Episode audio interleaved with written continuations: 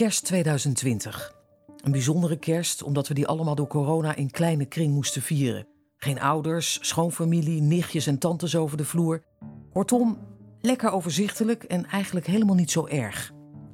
Want kerst met de familie is soms best wel een opgave. En ik was niet de enige die er zo over dacht. Maar zou je willen dat het ooit weer goed komt? Dat jullie ooit weer lekker op zondag bij elkaar een kopje koffie drinken? Ja, dan moeten we eerst allemaal naar de theaterschool, denk ik. Mijn gevoel werd gewoon van, ja, ik heb heel veel water naar de zee gedragen, door de stof gedaan. Mijn eigen ik is op. Zoek het uit. Natuurlijk is corona een splijtswam.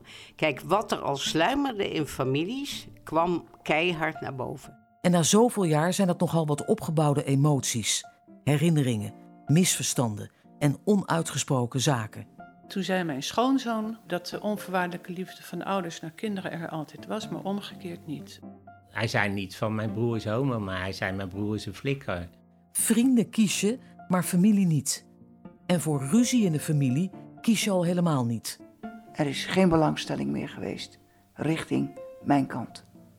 Ik besta niet meer voor ze. Mis je ze? Ja, al tien jaar. En het raakt u nog steeds, hè?